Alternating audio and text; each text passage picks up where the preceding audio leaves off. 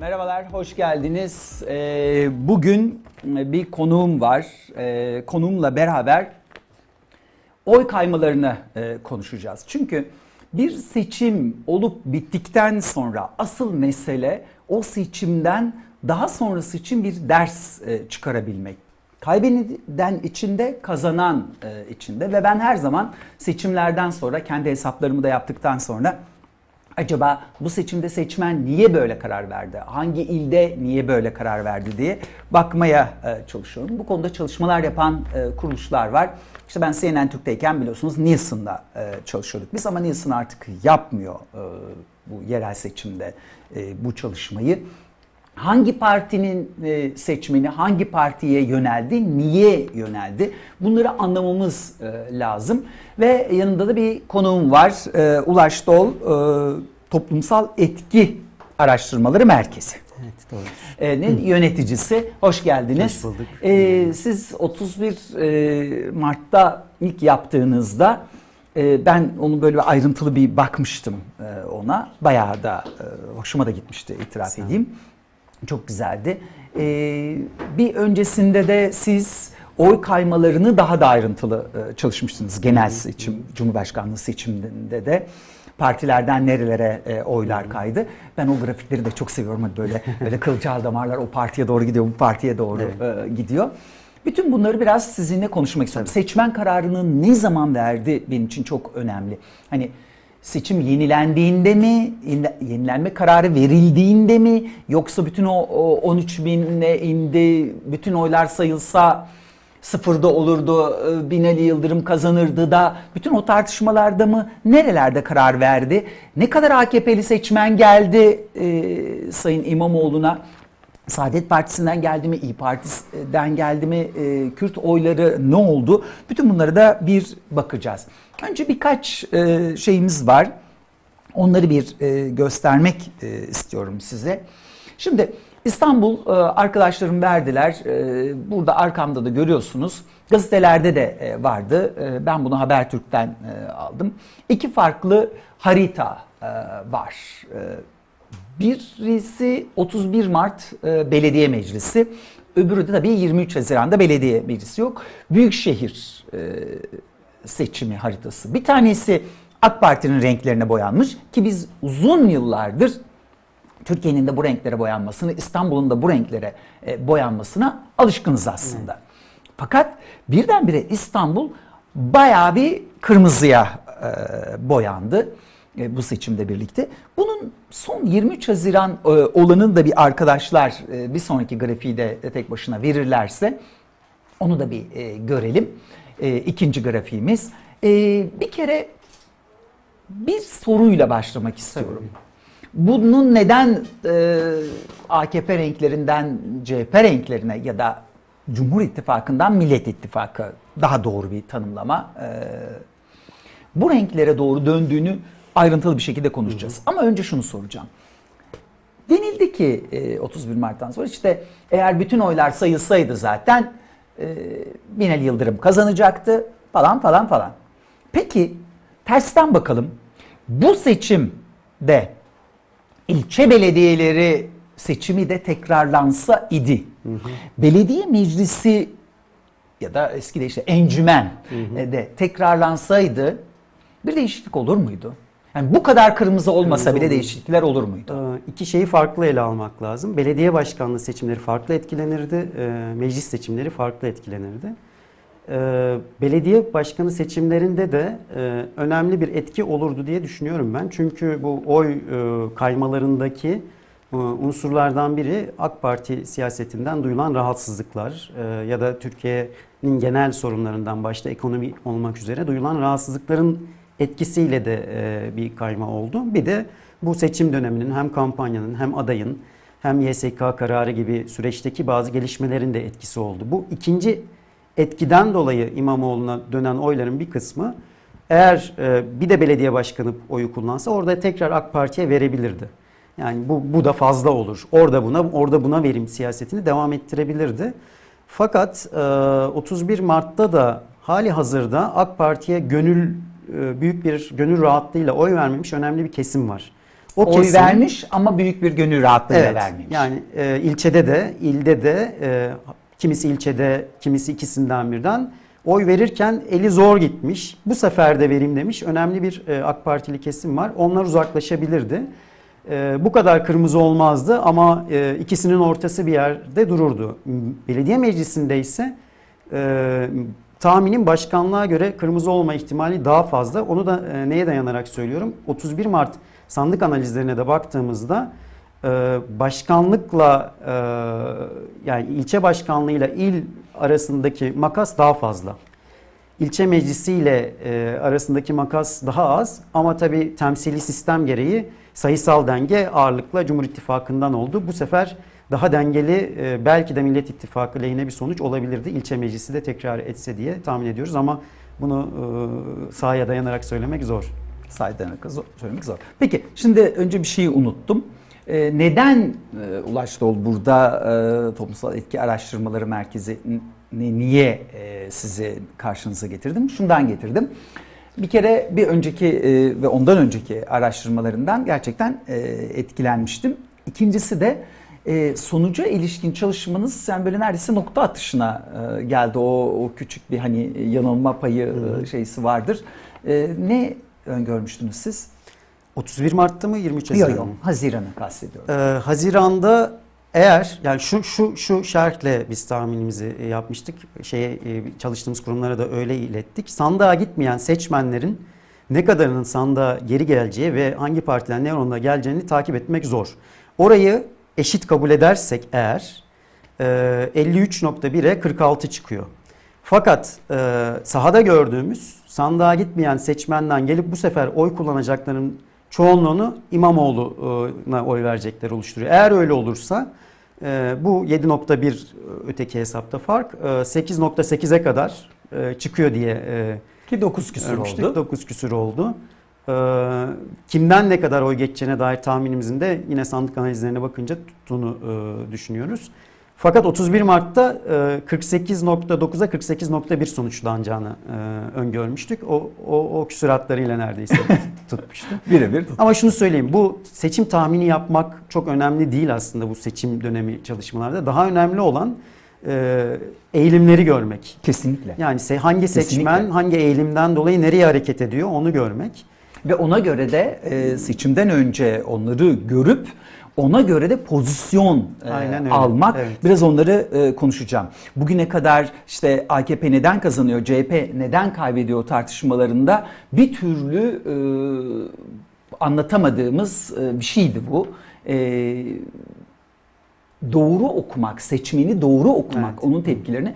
Mesela ben şimdi de AKP tarafında da seçmeni doğru okuyamama e, durumunu görüyorum. Evet, E, evet. yıllar önce biz bu seçmeni de anlamıyorum diyen CHP'liler e, görmüştük. Evet. Bu sefer aynı durumun AKP'de Kesinlikle. olduğunu, bunun da e, eğer toparlanmazsa AKP için daha ağır sonuçları olacağını öngörüyorum. Bunları da bir e, konuşacağız. Ama şimdi arkadaşlardan bir rica ediyorum.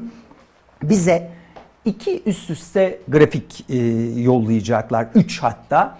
Önce bir Binali Yıldırım'ın iki seçimde aldığı oylar arasındaki fark. Binali Yıldırım'ın oyu e, 31 Mart'la e, 23 Haziran arasında e, şu anda ekranınızda görüyorsunuz 250.592 düşmüş. Yani Binali Yıldırım 31 Mart'a göre 250.592 oy kaybetmiş. Şimdi bu oy nereye gitti diye ayrıca soracağım. Ama sizce bu oyu neden kaybetti? Önce şeyi söyleyeyim yalnız tabii daha fazla kaybetti aslında. Çünkü Tabii, tabii. bir miktarda e, sandığa gitmeyen, Gitmeyen seçmenden seçmen geri geldi. geldi. E, dolayısıyla Oyu 100 azaldı diye. Oyu azaldı yani bir 350 bini falan e, buluyor. E, niye kaybetti? Temelde aslında e, demin ilk başta söylediğim bu 31 Mart'ta e, zaten gönülsüzce oy veren toplam bir belki e, A- 24 Haziran'daki AK Partili seçmenin 700-800 bininden bir yine 400-500 bini e, oy vermişti. Bir e, demette bu bu bu gruptan koptu diyebiliriz. Bunun e, e, belki hani şu, şuradan başlarsak öncelikle 31 Mart'ta da yani kendi oy potansiyelinin altında oy aldı. Bir e, demet orada kopmuştu. E, 20 geçen seneki 24 Haziran 2018 AK Parti yani seçimlerinde AK Parti'ye oy veren veya MHP'ye oy verenlerden e, düşünürsek Cumhur İttifakı'ndan. Cumhur İttifakı'ndan.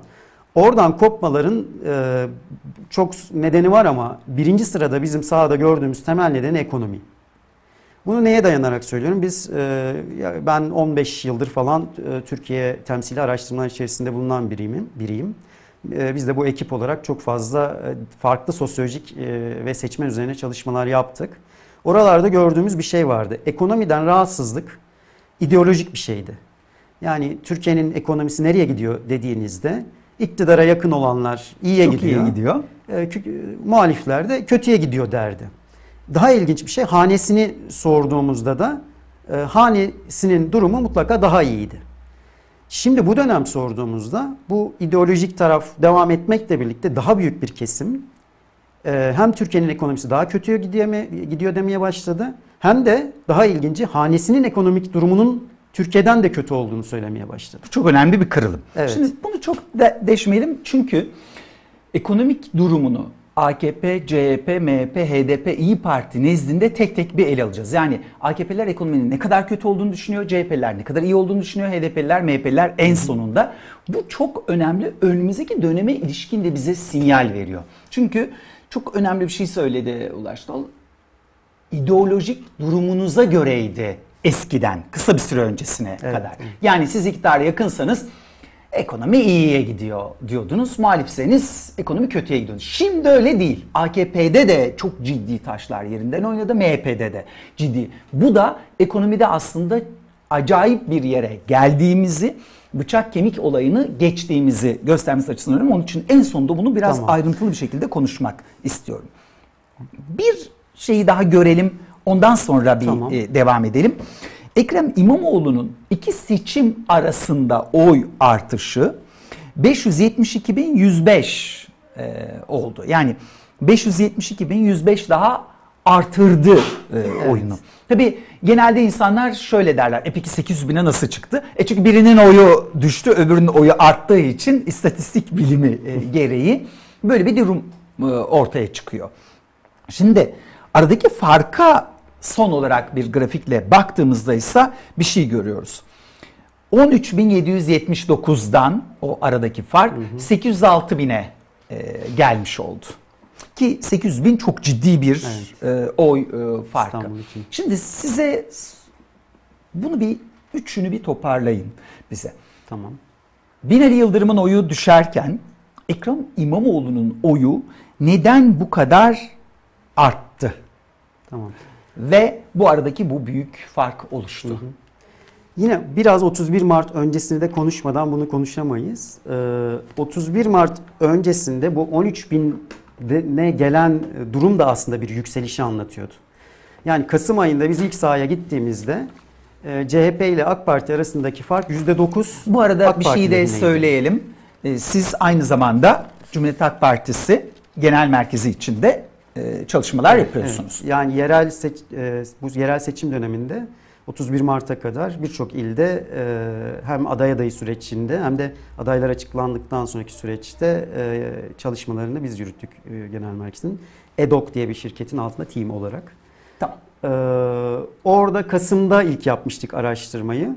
Sonra adaylar açıklandı, İmamoğlu çıktı vesaire. Sürekli bir yükseliş oldu. Bir kere hani bu yükselişin doğal bir devamlılığını izledik 31 Mart sonrasında. Burada neyi kastediyorum? Şöyle bir şey vardı 31 Mart öncesi de gördüğümüz. Bir kere Ekrem İmamoğlu ilk aday olduğunda bilinirlik düzeyi çok düşük bir adaydı.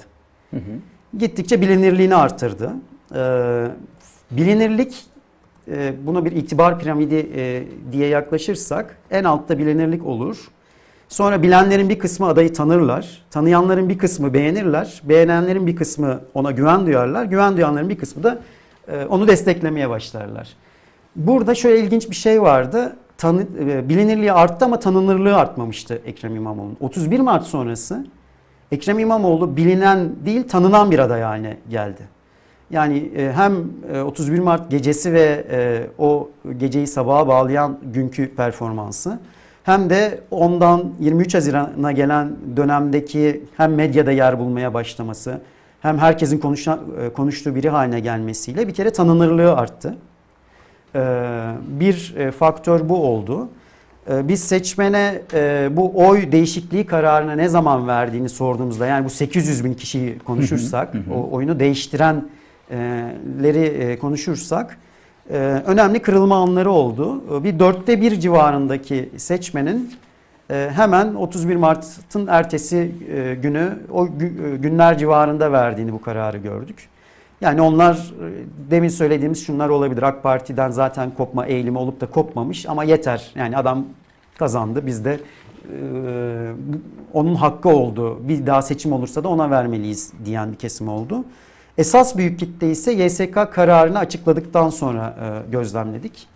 E, yani YSK'nın seçimi iptal ve yenileme kararı e, bu yine 800 binin yaklaşık yarısını e, ikna eden süreç oldu. Bir, ona ilişkin de bir grafiğimiz e, var ama onu bir konuşmadan önce o kırılma e, anını bir konuşmadan önce geçersiz oylar meselesi var. Çünkü e, AKP'den iki ilginç açıklama vardı e, iki seçimin arasında. Bir tanesi soyadlarından insanların kime oy vereceğini çıkarma. Bilmiyorum benim soyadımdan nasıl bir şey e, çıkıyor. Herkes de kendine herhalde soruyor hani benim Evet. soyadım nasıl bir şey söylüyor acaba e, diye.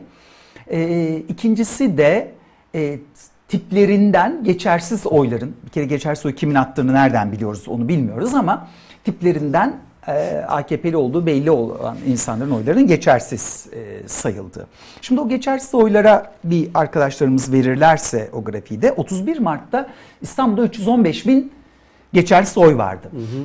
23 Haziran'da bu 178 e, bine e, indi. Aslına bakarsanız e, çok da az değil. evet ama ben bunu- açıklanabilir bu. Evet. Ben bunu şöyle yorumladım. Bir kere zaten Türkiye e, genelinde bir yüzde dörtler civarında bir geleneksel bir e, seçimlerde bir Oy oy, var. Dünyanın her yerinde çok daha fazladır bu arada bu. Türkiye'de sandığa gitme çok yüksek. Şimdi ikincisi ben bunların sandığa gitmemekten mahalle baskısıyla çekindiklerini ama sandığa gidip de böyle e, oy vermek noktasında da büyük oranının AKP'li olduğunu e, ve AKP'ye de oy vermediklerini ama başkasına da oy vermeyi içlerini sindiremediklerini e, bir düşünmüştüm. Siz bunun aksini mi düşünürsünüz? Böyle mi düşünürsünüz? Yo bu açıklamaya katılırım. E, ilavelerim olabilir. Ee, iki tane ilave yapabilirim. Birincisi 31 Mart seçimi öncesi e, seçmen kararsızlığı çok yüksek bir seçim yaşadık. Yani geçmiş seçimlere göre e, son haftalara girildiğinde kararsız oranlarının bu kadar yüksek olduğu az seçim olmuştur. E, bu kararsızlık içerisinde de e, hele ki bugüne kadar e, hiç oy vermediği bir partiye e, eli giden seçmen sayısı azdı. Ama AK Parti'ye de vermek istemiyordu. Onlar geçersize gittiler. Çok sayıda şöyle o zamanlar Twitter'a da yansıdı gördük. Yazmışlar oraya işte EYT yazmış ya da e, kabine değişikliğine e, gönderme yapan açıklamaları olmuş falan. İnsanlar notlarıyla birlikte geçersiz yapmışlar. Çok bilinçli oylarını. bir tercih. Çok bilinçli olduğu görülüyordu. Bu sefer bu seçimde e, 10 gün kala e, sonuçlanan bir araştırmamızda söyleyeyim. E, insanlar kararlarını, yani kararsız oranı bir kere %3 gibi çok düşük bir orandaydı. Mü- müthiş. E, karar vermişlere de şeyi sorduk. Bu karar ne kadar son kararınız diye. %95'i kesinlikle son kararım. Artık dedi. değişmez. Artık değişmez dedi. Yani o TV programından önce kararlar çoktan verilmişti. Bunun Çok da bir anlam yükledik Evet, ona. etkisiyle e, bu bu sefer yani protesto oyunun, geçersiz oyun daha az e, geldiğini e, düşünüyorum. Söylediğinize de katılarak yani o, o da bir faktör olmakla birlikte. Şimdi bir line grafiğimiz var. Arkadaşlar bir onu verecekler. Bu sizin araştırmalarınız. Tarih tarih sizin araştırmalarınız gelecek şimdi.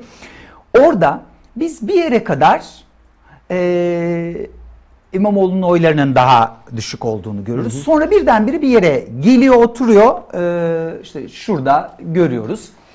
E, yakalıyor İmam- e, Sayın İmamoğlu. Ondan sonra 31 Mart oluyor. Ardından birdenbire sert bir yükseliş ve ondan sonra neredeyse hiç değişmiyor. Evet. Yani o aslında birdenbire değil tabii. O arada Tabii da ki birdenbire yoklamalar değil. yapsak Ama zikzaklar var. mutlaka. Ama oraya geldikten sonraki hani dört araştırma Evet, evet. total o son Evet. noktadaki dört araştırmada oy oranları öyle bir ciddi bir değişiklik büyük e, şeyler yaşamıyor. olmadı. Yani bu YSK karar, seçimi yenileme kararı ile aslında maksimum noktaya çıktı. Ondan sonra e, bir ufak e, düşüş oldu. Hatta bu AK Parti'ye yakın araştırma şirketleri fark büyüktü ama kapandı diye bunu yorumladılar. Öyle bir kapanma hiç görmedik ama hafif bir düşüş oldu.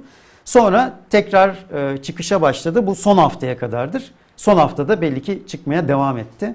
Bir de o dediğimiz sandığa gitmeyenlerin de şeyiyle bu makas biraz da biraz daha, e, e, açıldı. büyüdü. Ee, bunun işte biraz önce konuşmaya başlamıştık. Ee, nedenlerini sorarsanız bu 40, e, 31 Mart'a kadar genel süreçte e, karşı bloktan yani AK Partili ve MHP'li bloktan e, özellikle orta yaş erkek e, bir seçmen grubu e, İmamoğlu'na oy vermeye ikna olmuştu. Şimdi karşı blok derken Cumhur İttifakı'nı Evet, e, evet. kastediyorsunuz. Onun e, sonra ne oldu? Bu, bu grup kaldı. Hı hı. Ee, bunun yanına e, kadınlar, e, gençler, e, özellikle de e, eğitim düzeyi yüksek e, gençler e, de eklendi. E, ve e, Fark diğer ettik. tarafta eklenmeye devam etti. Fark da böyle açıldı. Bir bir şeyi daha gördükten sonra bunu biraz daha açacağız. O da Saadet Partisi'nin adayı. Şimdi Saadet Partisi'nin adayı katılacak, katılmayacak seçimlere katılsın, katılmasın. Katılsın ki e, Saadet'ten e, AKP oy kayması olmasın falan gibi bir sürü teoremler oldu. Şimdi o oylara bir baktığımızda şöyle bir şey görüyoruz. 31 Mart'ta 103 bin e, oy varken 23 Haziran'da 55.500 e, oy var. Mesela Vatan Partisi'nde böyle bir şey yok. Vatan Partisi'ndeki oy 200 mü 200'e yakın bir değişim e, olmuş. Ha, birebir aynı e, oradaki oy. E, zaten oransal olarak da çok düşük olduğu için. E, burada öyle değil. Burada e, 50 bine yakın e, bir oydan e, bahsediyoruz. Sizce bu oy nereye gitmiştir? Binali Yıldırım'a mı Ekrem İmamoğlu'na mı? Yani çok açık İmamoğlu'na gitti. Biz e, Saadet Partisi seçmenine özel bir araştırma da yaptık. E, bu kararı almadan önce Saadet Partisi. Kendileriyle de paylaştık. Orada aslında e, aday çıkarmasa daha çok oy gidecek görünüyordu. Hı. E, çünkü Saadet Partisi seçmeni e, bir geleneği var. E, partisi her zaman aday çıkarma e, geleneğini sürdürüyor. Aday çıkarırsa da partisine veriyor önemli bir miktar. Fakat e, aday çıkarması durumunda da bizim bulduğumuzda çok paralel e, bir miktar AK Parti'den gelen oy da vardır burada. Yaklaşık 50 bin falandır aslında kendi koruduğu oyu. Öyle düşünürsek bir %50'sinin e, en az kendi partisine gideceğini bulmuştuk. Kalanın da e, kalan 50 bin içerisinde de 10 bin civarında Binali Yıldırım'a 40 bin civarında da e, İmamoğlu'na gidecek görünüyordu. E, bunun da böyle olduğunu tahmin ediyoruz. Şimdi gelelim Zurna'nın zırt dediği yere. İki aday kimlerden oy aldı? Önce Binali Yıldırım'dan, kaybeden eee, adaydan eee, başlayalım. Eee Binali Yıldırım'ın ısı eee, düşmüş eee, bizim grafiğimizde. Ama eee, kusura bakmayın eee, olmuş öyle bir hata. Eee Binali Yıldırım'a AKP seçmeninin, burada AKP seçmeni derken ne zaman AKP'ye oy vermiş? Onu da söyleyeyim. 2018 24 Haziran milletvekili seçimlerinde AK Parti'ye oy vermiş seçmenlerin Tamam. Bir önceki e, Cumhurbaşkanlığı ve e, milletvekili genel seçiminde, Genel seçiminde. E, AKP'ye oy vermiş. İkisi beraber yapıldığı için. Ama Cumhurbaşkanı Erdoğan'a oy vermiş demiyoruz. E, milletvekili seçiminde AKP vermiş. Tekrar alalım lütfen grafiği. E, AKP'ye oy vermiş seçmenin %87'si Binali Yıldırım'a oy vermiş Evet. 23 Haziran'da. MHP'ye oy verenlerin %74,6'sı vermiş. İyi Parti'ye oy verenlerin %2,5'u Binali Yıldırım'a oy vermiş. HDP'ye oy verenlerin 0,6'sı, CHP'ye oy verenlerin 0,5'i. Şimdi Evet. bizim tabi burada Cumhur İttifakı'na e, bakmamız e, gerekiyor. Bu şu demek, bir önceki genel seçimde AKP'ye oy veren seçmenin %13'ü, MHP'ye oy veren seçmenin yüzde e, nereden baksanız hani 25'i vermedi. oy vermemiş Binali Evet. Yıldırım'a. Cumhur İttifakı'nda. Bu ciddi bir e, fark. Evet. Çok ciddi bir fark. Bunu nasıl izah edersiniz? E, bunu nasıl e, seçim sonucuyla bağdaştırırsınız? Bu ciddi fark gerçekten. Bir de şeyi de belirtelim. Ee, bu oy vermeyenlerin de önemli bir kısmı da e, İmamoğlu'na oy vermiş. Evet, birazdan onu da göreceğiz İmamoğlu'na gidince. Yani %87, %13 kalıyor. O, onu da şey yaparsak %8'i de vermiş. Yani ciddi bir e, karşı Oy kayması olmuş. kayması da olmuş. Ee, yani e, Bir nevi Yıldırım'ın seçmende karşılığı mı yok? Öyle AKP diyemeyiz seçmeninde. aslında. Ee, yani Nedir? bir aday olarak karşılığı elbette var. Ee, hatta biz kişisel özellikleri de adayların e, sorguladığımız çalışmalar oldu. Ee, sempatik bulunuyor, esprili bulunuyor, tecrübeli bulunuyor. Ee, bazı özellikleri itibariyle beğeniliyor. Ee, burada adaydan ziyade e, hem parti politikaları 31 Mart 23 Haziran'ı karşılaştırırsak da onu oradaki e, hakkaniyet duygusunun e, aşınması başta. Yani bir haksızlığa haksızlık yapıldığı inancı. Peki bu haksızlığı AKP'nin yaptığını mı yoksa Recep Tayyip Erdoğan'ın yaptığını mı düşünüyor? O kadar ayrıntı var mı elinizde? Çünkü ben benim şahsi kanaatim bunun AKP'den ziyade birkaç şeyin etkili olduğunu. Recep Tayyip Erdoğan'ın aşırı güçlendiğinden AKP tabanının rahatsız olduğunu, demokrasi endişesine kapıldığını, bugüne kadar reis reis diye destekledikleri kişinin bir sultana dönüşmesinden rahatsız olduklarını e, hissediyorum ben. Yani bir AKP meselesinin ötesinde bir şey olduğunu e, düşünüyorum e, ve görüyorum kendi çevremde. Siz de yani bu, bu kadar Yani kıyaslayacak olursak, e, yani biz pek çok etnografik çalışma da yaptık. E, kanaat önderlerine yönelik çalışmalar da yaptık. Seçmen gruplarını Onları da soracağım. Oralardan da edindiğimiz izlenimle e, bu dönüşen oyun e, tamamı dediğiniz gibi Erdoğan'dan rahatsızlık duyan diyemeyiz. Yani Erdoğan sempatisi son derece devam eden e, ama bunu bir yerel seçim olarak gören ya da AK Parti ve e, çevresindeki ekiplerden e, rahatsızlık duyduğu için AK Parti'den rahatsız olan önemli bir kesimde var bu oyun içerisinde. Fakat bir şu da var. istediler. Bir uyarıdan bir tık fazlaydı bu sefer diye hissediyorum. Fakat şu da var, geçmiş seçimlerde de bu olurdu. Ee, bu sefer biraz Erdoğan'la da eşleştirme var. Bunu nereden söylüyorum? Mesela Erdoğan bu kadar çok görmekten, bu kadar çok konuşmasını her yerde görmekten rahatsız olduğunu dile getirmeye başlamıştı AK Parti seçmeni. Nitekim hani bu herhalde kendi araştırmalarında da çıktı ki e, Erdoğan sağdan çekildi ilk başta. Olumsuz Sayın Soylu'yu etkiledi. e, sahaya sürdüler. Evet o da ne kadar e, şey bilinçli bir karar bilmiyorum ama. Yok çok memnun olmuştur. Sayın İmamoğlu e, bu karardan Evet herhalde. evet. Yani yansıması olumlu oldu. Bu- bunu da gözetirsek yani e, Erdoğan'ın da artık e, e, ondan da bir rahatsızlık duyan bir AK Partili seçmenin de koptuğunu düşünüyorum. Nitekim zaten e, AK Parti 31 Mart sonrası stratejisini ben oyumu korurum, sandığa gitmeyeni de çekerim diye kurmuştu ya. Orada esas ıskaladıkları e, şu oldu bence. Sandığa gidip kendilerine oy vermiş kesimden de bir kopma eğilimi olacak bir kütle var.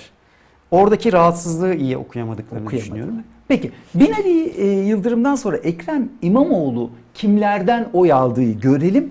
Ondan sonra da can alıcı noktaya bakacağız. AKP seçmeninden Sayın İmamoğlu'na geçen oylar niye geldiler? Bunu bir e, bakacağız. Şimdi e, CHP'ye yani bir önceki genel seçimde CHP'ye oy verenlerin %97'si Ekrem İmamoğlu'na oy vermiş. Bu müthiş Bu çok büyük e, bir bir e, oran. Çünkü Sayın İnce'de de yüksek oranlar görmüştük ama bu düzeyde değildi e, o.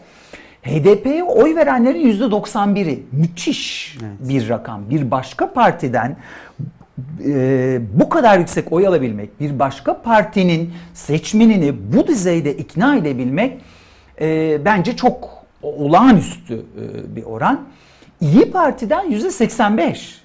O da Ee, o da çok yüksek bir oran. Fakat MHP'den %18,8 AKP'den 8,2. Evet. Şimdi bunların içerisinde MHP, AKP yani Cumhur İttifakı diye baktığımızda o 8,2 aslında 18,8'den çok daha yüksek. Sayısal olarak evet. Evet. Çünkü e, AKP e, İmamoğlu'nun Sayın İmamoğlu'nun aldığı oyların neredeyse 4 puanına yaklaşan 3,5 puanının üstünde bir oydan bahsediyor. O 8 öyle AKP'nin oyu çünkü %40'ların e, 45'ler e, civarında diye alırsak çok ciddi bir e, oran 8,2.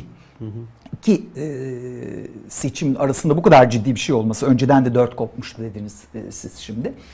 Bu 8,2'nin e, oy karşılığı nedir?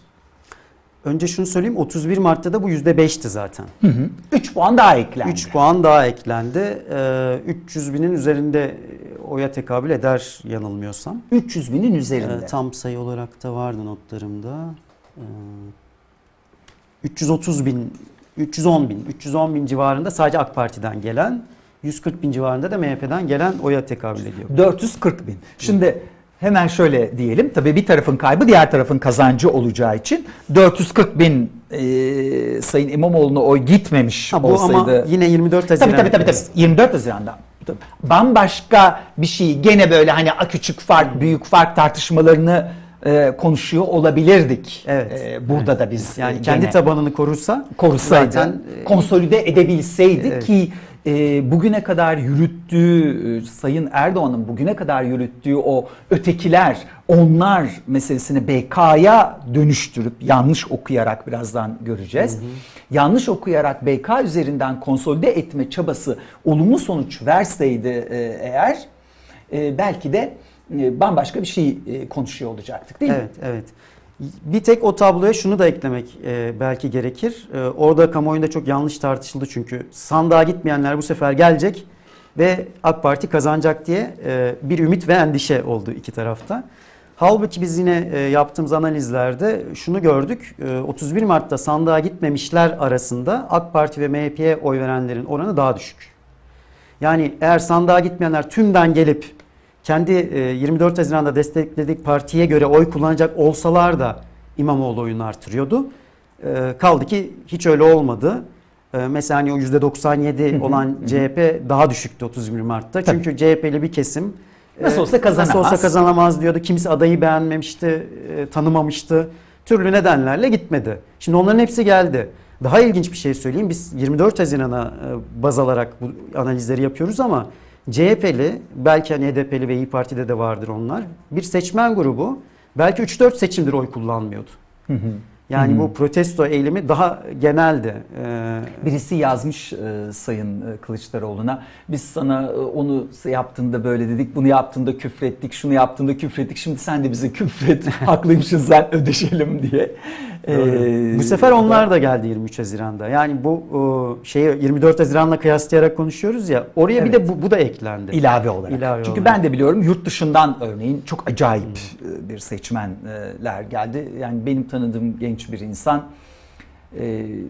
3 uçak değiştirip 27 saatlik bir uçuşla yani bir oy vermeye siz bir Fransızı, bir İngiliz'i bir Amerikalıyı herhalde öyle kolay kolay Yok. ikna edemezsiniz. Yani 27 saat uçacak, 3 aktarma, havaalanlarında saatlerce yatacak o aralarda beklemelerle falan ucuz bilet bulayım e, diye gelecek. Gerçekten e, inanılmaz. İnsanlar tatillerini ertelediler, tatillerden e, döndüler. Şimdi sizin araştırmalarınızı nasıl kullandı CHP ve e, Sayın İmamoğlu diye sormadan AKP'den gelen oyların neden geldiğine dair bir çalışmanız var.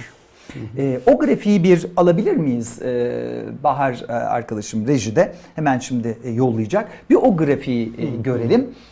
Burada önemli bir şey var. Şimdi İmamoğlu'na AKP'den, Sayın Ekrem İmamoğlu'na AKP'den gelen oylar ne zaman karar verdiler? Bu şimdi bize çok önemli bir şey söylüyor. Şunu bize bir anlatır mısınız? Tabii. Ee, bu yine seçimden 10 gün önce e, yaklaşık ya da bir hafta önce e, elde ettiğimiz bir sonuçtu. Bir kere bir yüzde otuzu yani yaklaşık üçte biri, üçte bir ile dörtte bir arasında bir kesimi e, seçimden hemen sonra e, kararını değiştirdi. E, biraz önce konuşmuştuk. Adayı daha iyi tanıdı.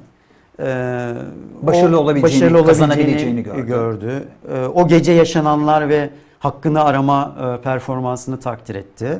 Zaten hani gönül Düzenli olarak açıklama yapması, o gece Onlar bilgilendirmesi. etkili. Zaten hani AK Parti ile bir kırgınlığı vardı. O daha da büyüdü ve o günlerde e, kararını verdi.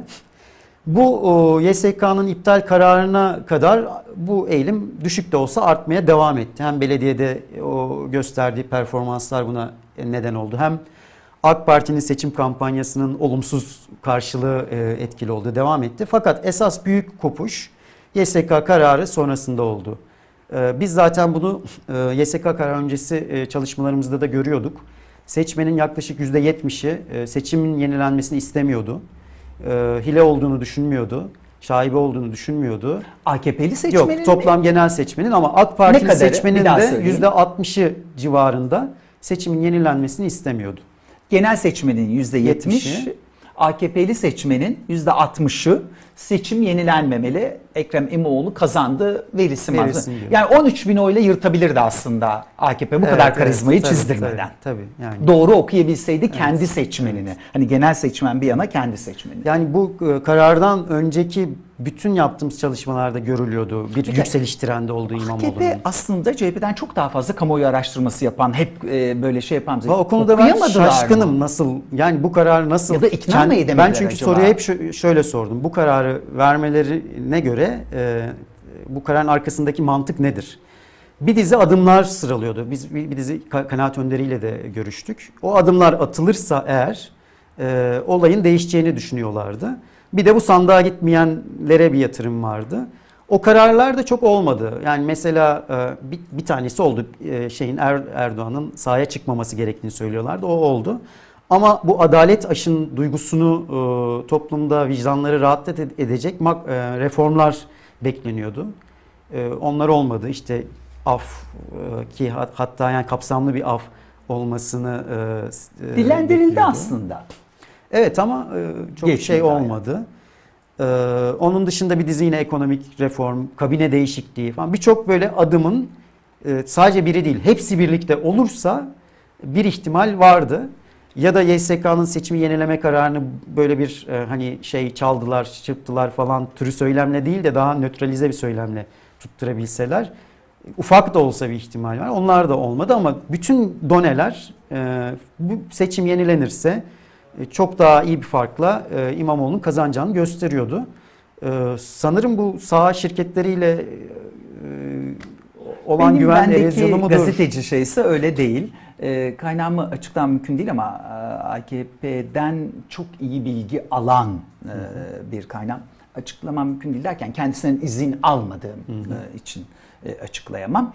E, o bana şöyle söyledi. E, Sayın Erdoğan'ın AKP'nin üst düzey yöneticileri tarafından aslında ikna edildiğini e, Sayın İmamoğlu kazandı. Sa- Hani haklar aransın, itirazlar yapılsın falan ama ondan sonra bunu kabullenelim, ve yolumuza devam edelim e, diye. Fakat e, Sayın Erdoğan ayrıldıktan sonra e, partiden gittikten sonra ertesi gün kararının değişmiş olduğunu bunu da e, açıkçası e, Sayın Albayrak ve ekibinin baskısına İstanbul İl Teşkilatı'nın baskısına işte onlar tabii panikleyerek hani biz seçim kaybetmiş e, olmanın çünkü onlar açık farkla Binali Yıldırım'ın e, kazanacağını o yüzden de açık farkla kazanamasın diye çok da çalışmadıkları iddiası vardı AKP e, İl Teşkilatı'nın.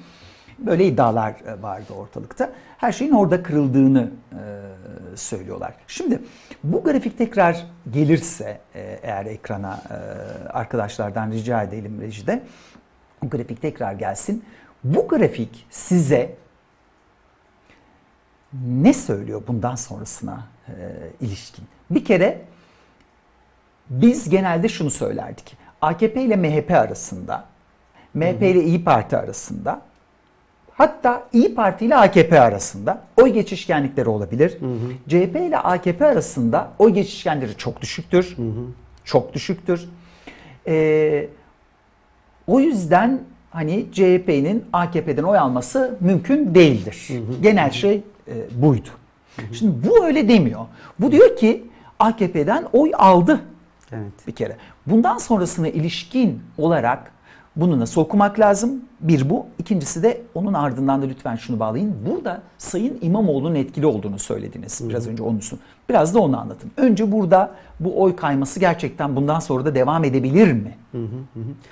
Ee, şu, şunu yalnız söyleyeyim zaten 31 Mart'a kadar da bir yükseliş var. 31 Mart'ta da bu dediğiniz oldu. AK Parti'den Oldu. CHP oy aldı. Oldu. Ve orada daha aday yani İm- İmamoğlu tanınmazken de oldu bu. Ki onun o zaman da etkisi oldu da ama ondan bağımsız olarak da bir oy geçişi oldu. Ee, hatta şöyle söyleyeyim 31 Mart'ta yaptığımız hesapta %30'u İmamoğlu'na oy vermiş seçmenin hayatında ilk kez CHP'ye oy vermiş seçmenden onu düştü. Bu şimdi muhtemelen tam Bir küsur hesaplanamadı ama milyona e, geliyordu Geliyor, o. evet. Çok ciddi bir şeydi. Şimdi %40'ları falan e, bulduğunu tahmin ediyorum. 35-40 arası bir şeydir Daha önce hiç, Hiç CHP'ye CHP oy oy vermemiş seçmen. seçmen. E, Tabii yeni seçmen olmuş olanlar da var. Onlar da Ee, var. bunun. HDP'li, e, İyi Partili seçmen de var. AK Partili AK ve MHP'li MHP'li seçmen var. de var. Şimdi bundan sonrası e, CHP'nin e, bir süredir e, ortaya koyduğu e, bu performansı ne kadar devam ettirip ettiremeyeceğine bağlı tabii. Hem e, dindarlarla e, laikler arasındaki gerilimi çözme iddiasını ne kadar taşıyacağına hem de Kürtlerle e, toplumun geri kal- kalanı arasındaki gerilimi ne kadar çözme iddiası e, da bulunacağına bağlı. Biliyorsunuz yeni parti girişimleri de var. E, mesela onlar da e, bu sonuçları hem bence iyi hem e, biraz da düşünceli, kaygılı karşılamış olmalı. E, iyi tarafı AK Parti'nin o yenilmezliğinin e, altının oyulmuş olması ve bir seçmen grubunun belki de ciddi biçimde kopmuş ve yeni adres aradığını söylüyor olması. E, kötü tarafı ise kendi oynadıkları e, merkez siyasete e, İmamoğlu'nun ve CHP'nin de oynuyor olması ve seçmenin de CHP'yi orada görebileceğini söylemiş olması. E, çünkü e, 31 Mart'la 23 Haziran'ı kıyaslayacak olursak 31 Mart'ta hala CHP'ye eli gitmeyen, tamam adayı beğendik e, ama CHP'ye de olmaz diyen bir kesim bu sefer eli gitti.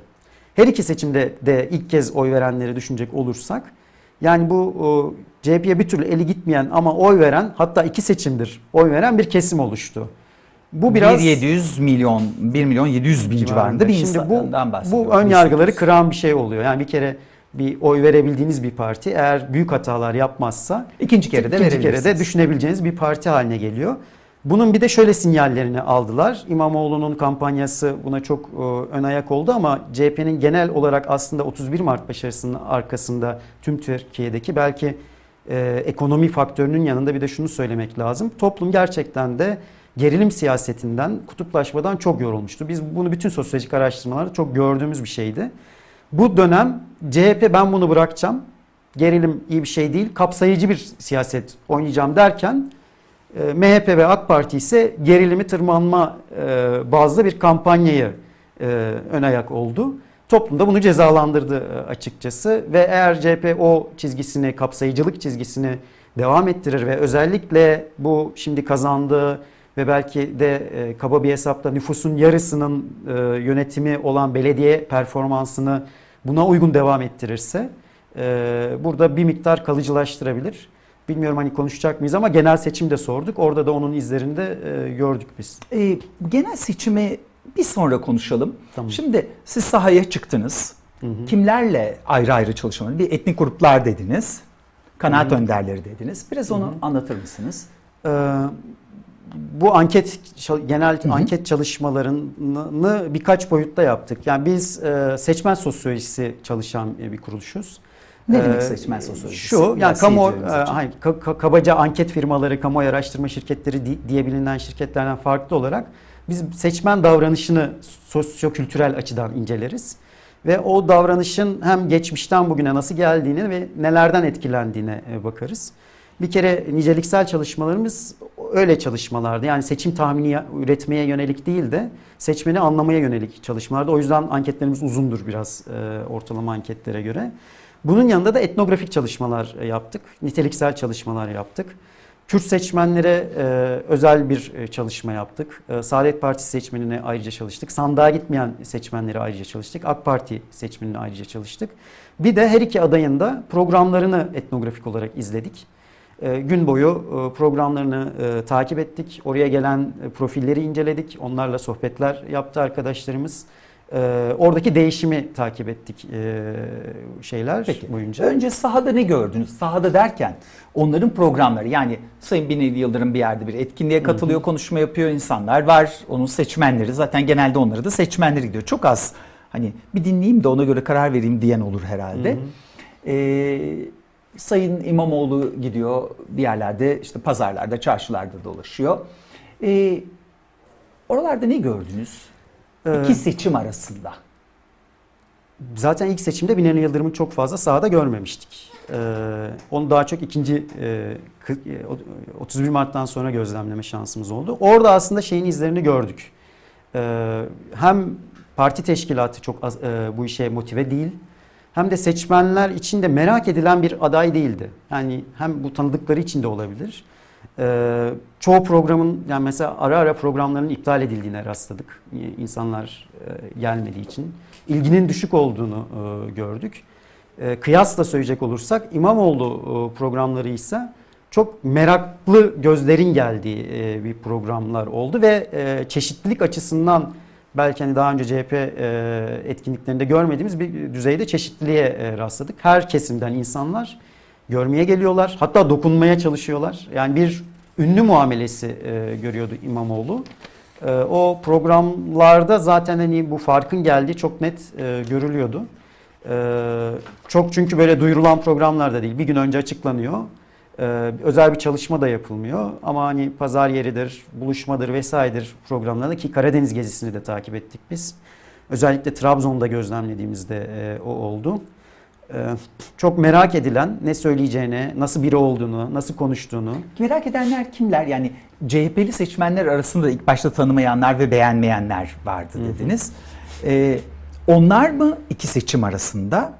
Çünkü onlar birdenbire motive oldular aslında. Evet, motive oldular ama onlar bile 25 yıl aslında- sonra İstanbul Belediye Başkanı olmaktan bahsediyor. El değiştirmesinden. Yani 17 yıllık bir çok güçlü iktidar. Bu arada da İstanbul 25 yıldır aslında AKP'nin temsil ettiği Sayın Erdoğan'la başlayan bir e, e, akım tarafından yönetiliyor 25 yıl. 25 yıl sonra bunu görmek de bir herhalde motive etti. Tabii. Ee, yani Ya da- bir kere bir umut oldu onlar için. Evet. Peki öbür tarafta yani onların dışında kimler?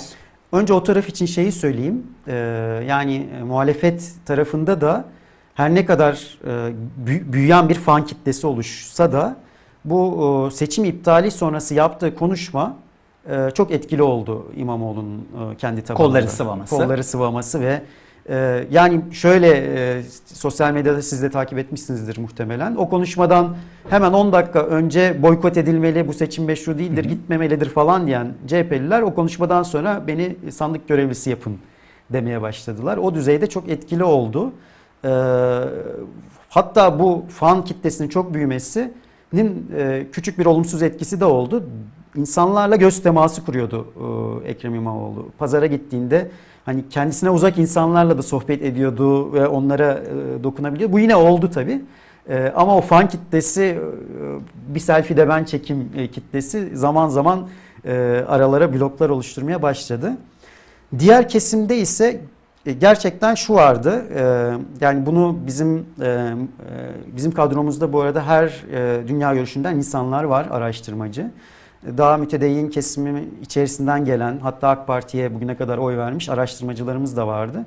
Onların ilk ilk daha sahaya çıktığında gözlemlediği bir şey Erdoğan'ın ilk yıllarına benziyor yorumu yaptılar. Halkın teveccühünün de yine Erdoğan'ın yükseliş yıllarına çok benzetenler oldu. Ee, oradaki de özellikle benzettikleri şey e, bir kere e, kapsayıcı birisi geliyor. Yani ayrımcılık yapmayacak. Hani bir o, e, dindar kesimin en büyük tabusu bir dizi kazanımlarının ellerinden alınacak olması ve eski gerilimli zamanlara dönecek. Bunu, bunu yapmayacağına ikna olmaya e, başladılar. Çünkü aslında ihtiyaçları var. Evet.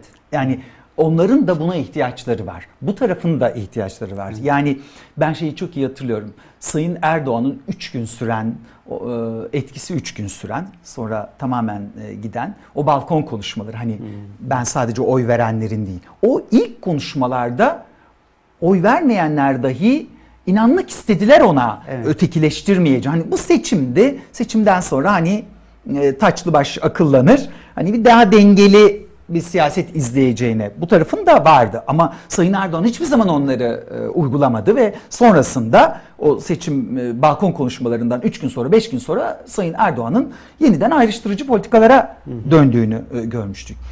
Tıpkı bu tarafın inanma ihtiyacı gibi yani laik kesimin inanma ihtiyacı gibi biz de varız ihtiyacı gibi aslında o tarafta hani bir gün olur da e, CHP'liler gelirse, diğerleri başka insanlar gelirse, AKP kaybederse e, hala bize tekrar e, eski tartışmalara dönmeyeceğize onların da inanma ihtiyacı var. Evet ve bunun bir e, samimi bir e,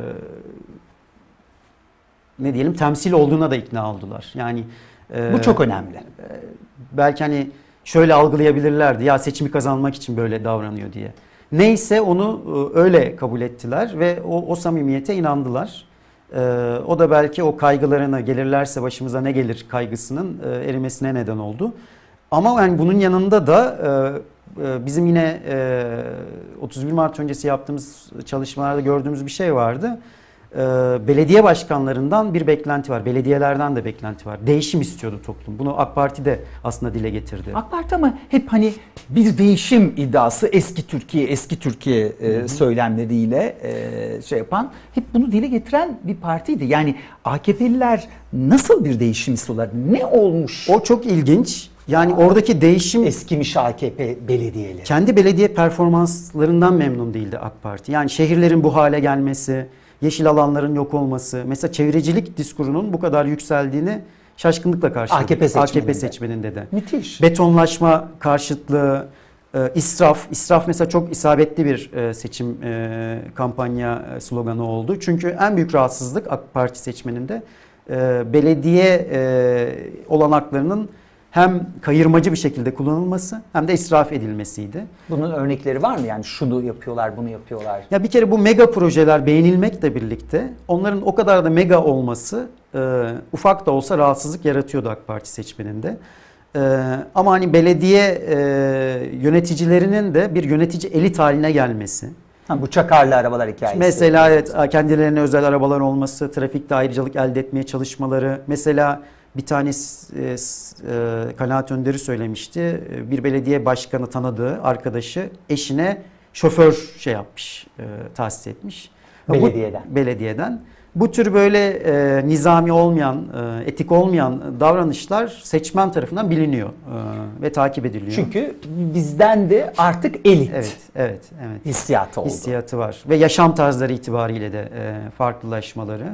Bu şey yine çok konuşuluyordu. Binali e, şey e, İmamoğlu e, bunu açık etmeden önce de belli vakıflara e, AKP seçmen bundan rahatsız. rahatsız. Yani özellikle eğitimli ve e, yani bir orta üst sınıf olan seçmen e, bunun e, haksız bir şekilde ya da kayırmacı bir şekilde belli bir e, aksa gitmesinden rahatsızdı.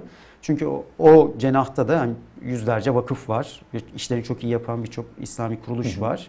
Onların bir kısmı zaten bu yardımları reddediyor.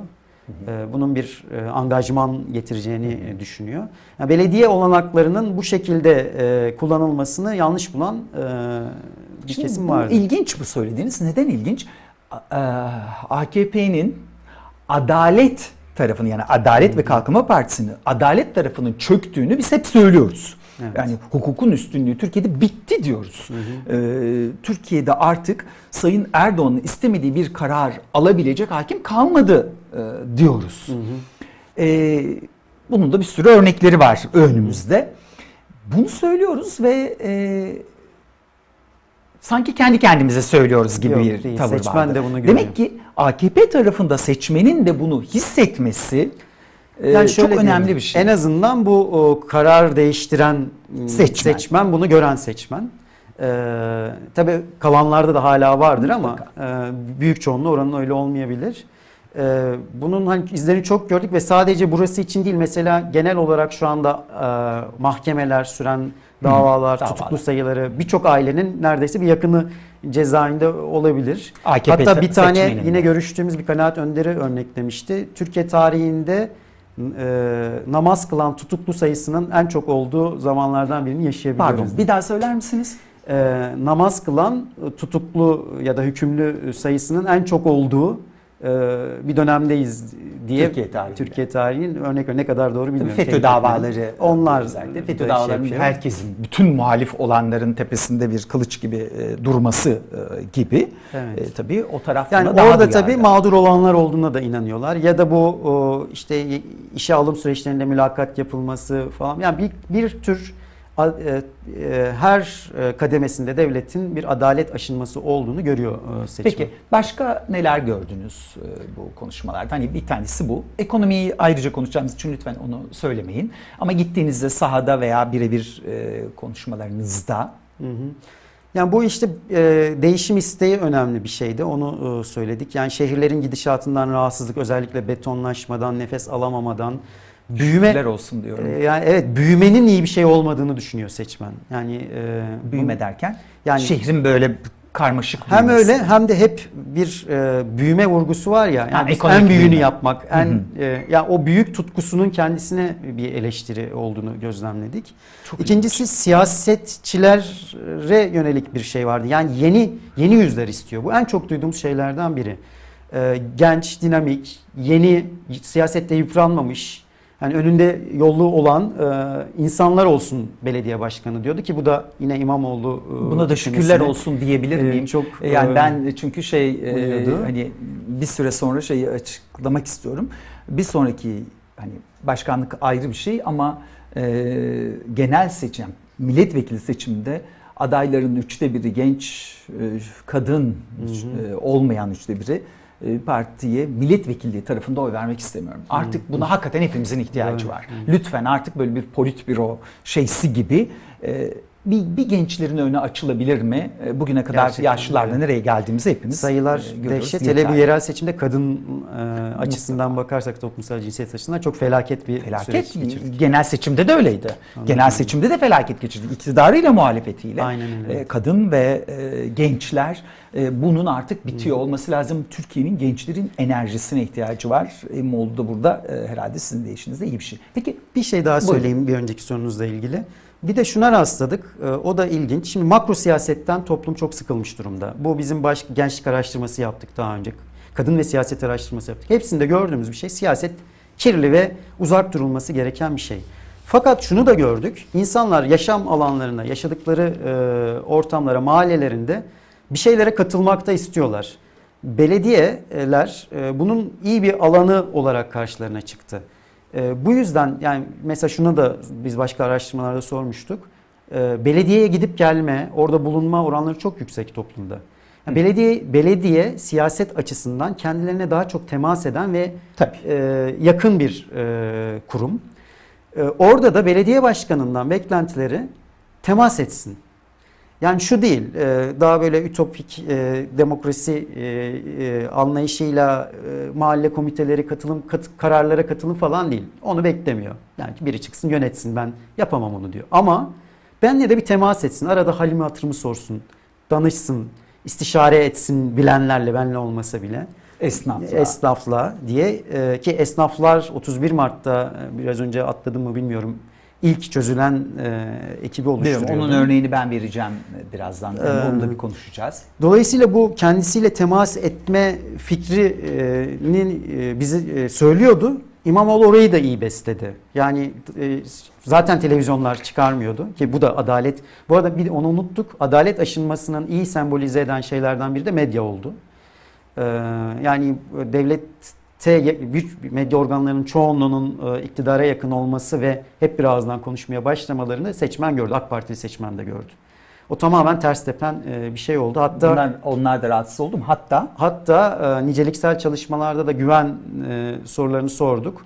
E, hani isim de vereyim. A Haber, Sabah vesaire falan güven konusunda en diplerde yer alan e, kanallar oldu habercilik açısından. E, AKP seçmeninde de mi? onlarda da e, yani tam şeyi hatırlamıyorum ama çok önemli e, derecede güven e, şey veren, dipte veren bir kesim vardı onlar içerisinde de. E, Yani seçmen aslında dengeli bir şeyler yapılmasını Evet, istiyor. aynen. Biz hatta 31 Mart seçimlerini e, team olarak yorumlarken bunu demiştik. Seçmen e, denge ve denetlemeyi bu şekilde sağlamak istedi. Yani yerel yönetimleri CHP'ye vererek her şeyde senin elinde olmasın e, demek istedi. Bu medya konusundaki e, şeyde dengesizlik de çok ters tepmişti takip edenler açısından. Ama bir yandan da şöyle bir şey olmuştu 31 Mart öncesinde. Belli bir kesim işte kadınlar ve gençlerin sonradan e, İmamoğlu'na yönelme nedeni de budur. Tanımadılar İmamoğlu'nu.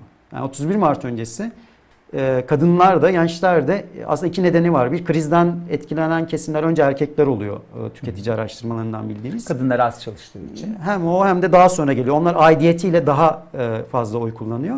İkincisi de tanımadılar. Görmediler çünkü. Yani, yani pazarda rastlayanlar gördü. Şeyde ise e, 31 Mart akşamından itibarense herkes görmeye başladı. Bir de kampanyası biraz daha e, renklendi. Gençlere daha hitap etmeye başladı. Gençler de ikna oldu bu sefer. E, dolayısıyla bu medyaya, e, medyadaki dengesizlik de adalet duygusunun aşılmasında önemli bir etkendi. Bir önceki son bir şey diyordum onu da tamamlayayım. Bu samimiyet arayışı ve göz teması arayışı da yine adaylarda baktıkları bir şey oldu. O yüzden zaten 31 Mart sonrası kampanyada Binali Yıldırım da benzer şeyler yapmaya başladı. İşte gençlere kankam dedi, pazarlara gitmeye başladı falan. Tam yapamasa da o da benzer bir kanala girdi. O gerçekten seçmenin büyük bir beklentisi. Bir e, görüntüsü itibariyle kendisine yakın hissediyor. Ayrı bir elit bir e, görüntü vermiyor. Temas ediyor, göz teması kuruyor, selfie çekiyor. Hani çok sıradan gündelik şeyleri yapabiliyor. Ee, belki hani bir parti liderinden bunu beklemiyor ama bir belediye başkanından daha hayatın içerisinde olmasını seçmen e, bekliyor. Şimdi sizin biraz önceki araştırmanızda e, AKP seçmenlerinin oy kaymasında e, YSK'nın kararının en büyük etkiyi yarattığını. Yani orada bir mağduriyet açık açık YSK tarafsız değil, bağımsız bir değil. haksızlık, bir haksızlık adaletsizlik. Yapıyor. Ee, ama YSK değil aslında bunu AKP yapıyor. Hepimiz biliyoruz Recep evet. Tayyip Erdoğan yapıyor. Evet. Yani e, o istek üzerine. Tamam YSK bağımsız, şahane, çok bağımsız bir evet. kurum e, diyelim. Ama seçmende bir şey, bir etki evet. uyanıyor orada. Seçmende bir etki uyanıyor. Çok Aynen. önemli bir etki evet. e, uyanıyor. Şeyin e, çaldılar söyleminin hmm. hiçbir karşılığı oldu mu? Ee, olmadığını bilakis negatif etkilediğini e, gördük. Ona da e, ilginç bir örnek vereyim. Bu televizyon programı sırasında e, İstanbul'un 10 farklı ilçesinde e, AK Partili ve MHP'li seçmenlerin ya da Kürt seçmenlerin olduğu kahvelerde programı izledik biz. Ve e, gözlemler yaptık, sohbetler yaptık. E, o program şöyle başladı. Bir maç e, edasıyla e, AK Partili seçmenin tezahüratlarıyla başladı. E, sonra giderek sönümlendi. En sönümlendiği ve sessizlik olan ansa e, bu kim İmamoğlu'nun programda çaldılar diyorsunuz ama kim çaldı sorusunu yönelttiği e, moment oldu. Orada homurdanmalar başladı AK Parti seçmeninde ve hak verdiklerini gördük biz gözlemledik. O soruya yanıtını hiçbir şekilde almadı AK Partili seçmen. Özellikle işte bu e, oy değiştiren de etkili bir şey de oldu hatta.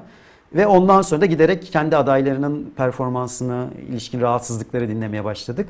Sonra da program bitmesinin üçüncü yarısını dinlemeden e, AK Parti seçmenler izlemeyi bıraktılar.